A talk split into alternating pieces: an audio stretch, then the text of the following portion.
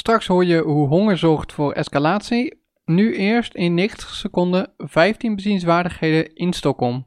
Vanaf de keukentafel is dit aflevering 3 van Op vakantie met de trein. Muziek.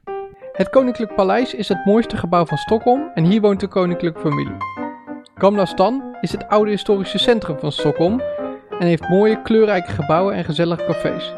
In het Vasa Museum ligt het 17e eeuws oorlogsschip Vasa. Dit schip is dus 333 jaar geleden nadat het gezonken is opgehaald van de zeebodem. Prins Eugène werd geboren in 1865. Hij was een getalenteerd en invloedrijk kunstenaar. Hij erfde Waldemarsudde, een landgoed op het eiland Djurgården in Stockholm. Tot op de dag van vandaag staat hier zijn kunstcollectie. En dan ABBA. Waterloo. Het ABBA Museum is een eerbetoon aan het wereldberoemde Zweedse popgroep.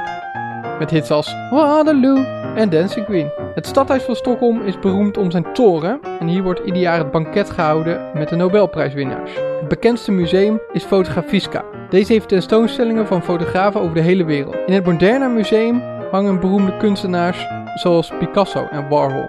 Het Nationaal Museum is net gerenoveerd. Hier vind je de kunst die alles vertelt over de Zweedse kunstgeschiedenis. Ten slotte de markt. De markt Solderharna staat op het eiland Solderharm. Solderharm. Halm. Hier hou je de lekkerste lokale producten.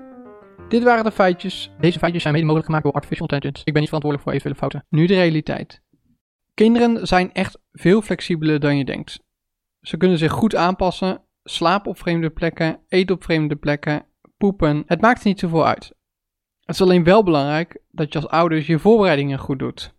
En iedere ouder weet het. Er kunnen broeken nat worden, buiken gaan rommelen en geduld opraken. En hoewel wij al best wat ervaring hebben, maakten we toch een paar beginnersfouten. Zo gingen we vandaag onvoorbereid op pad op zoek naar de grootste openbare moestuinen van Stockholm. Maar te laat van huis, de route met het OV niet al te goed bekeken en te weinig eten voor onderweg. En zo belanden we na twee uur dwalen op een van de duurste terrasjes in Stockholm Centrum. Carola, wat ging er volgens jou fout? Nou ja, wat er volgens mij fout ging. Deze vraag roept een beetje op. Is het nog een verkapte manier om mij nog een keer sorry te laten zeggen voor de, voor de, voor de slechte voorbereiding? Nee, dat niet. Oh. Mm, misschien ook wel. Nou ja, ik denk dat het een beetje een slechte voorbereiding Maar nee, nee, eigenlijk niet. Nee, ik had het gewoon opgezocht, maar we kwamen er niet uit. Punt. ik er niet meer woorden aan kwijt. Oh ja, we hadden ook niet in de gaten dat we slecht ontbeten hadden. Dus iedereen had uh, honger na anderhalf uur. En er zijn twee vrouwen in je huishouden die ontzettend slecht tegen honger kunnen. Dit ging eigenlijk al die avond daarvoor fout, hè? Ging met een hele lijst voor de eerste keer naar de supermarkt met Fem. Vlak voor het avondeten. Ik had stress en was moe. Fem ook. En daardoor vergat ik de helft en ook het ontbijt. Toen hadden we toekje als ontbijt. Als er dan van alles fout gaat, dan word ik zagrijnig en jij gaat dan als een malle beslissen.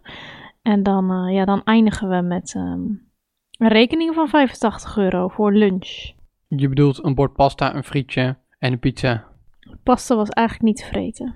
Maar eerlijk, eindgoed al goed. Fem heeft op de fietsje als een gek door de drukke straten van Stockholm gesjeest. Misschien 150 mensen aangereden, maar ze vond het leuk. Wij er achteraan hobbelen en we hebben een hele chille middag gehad.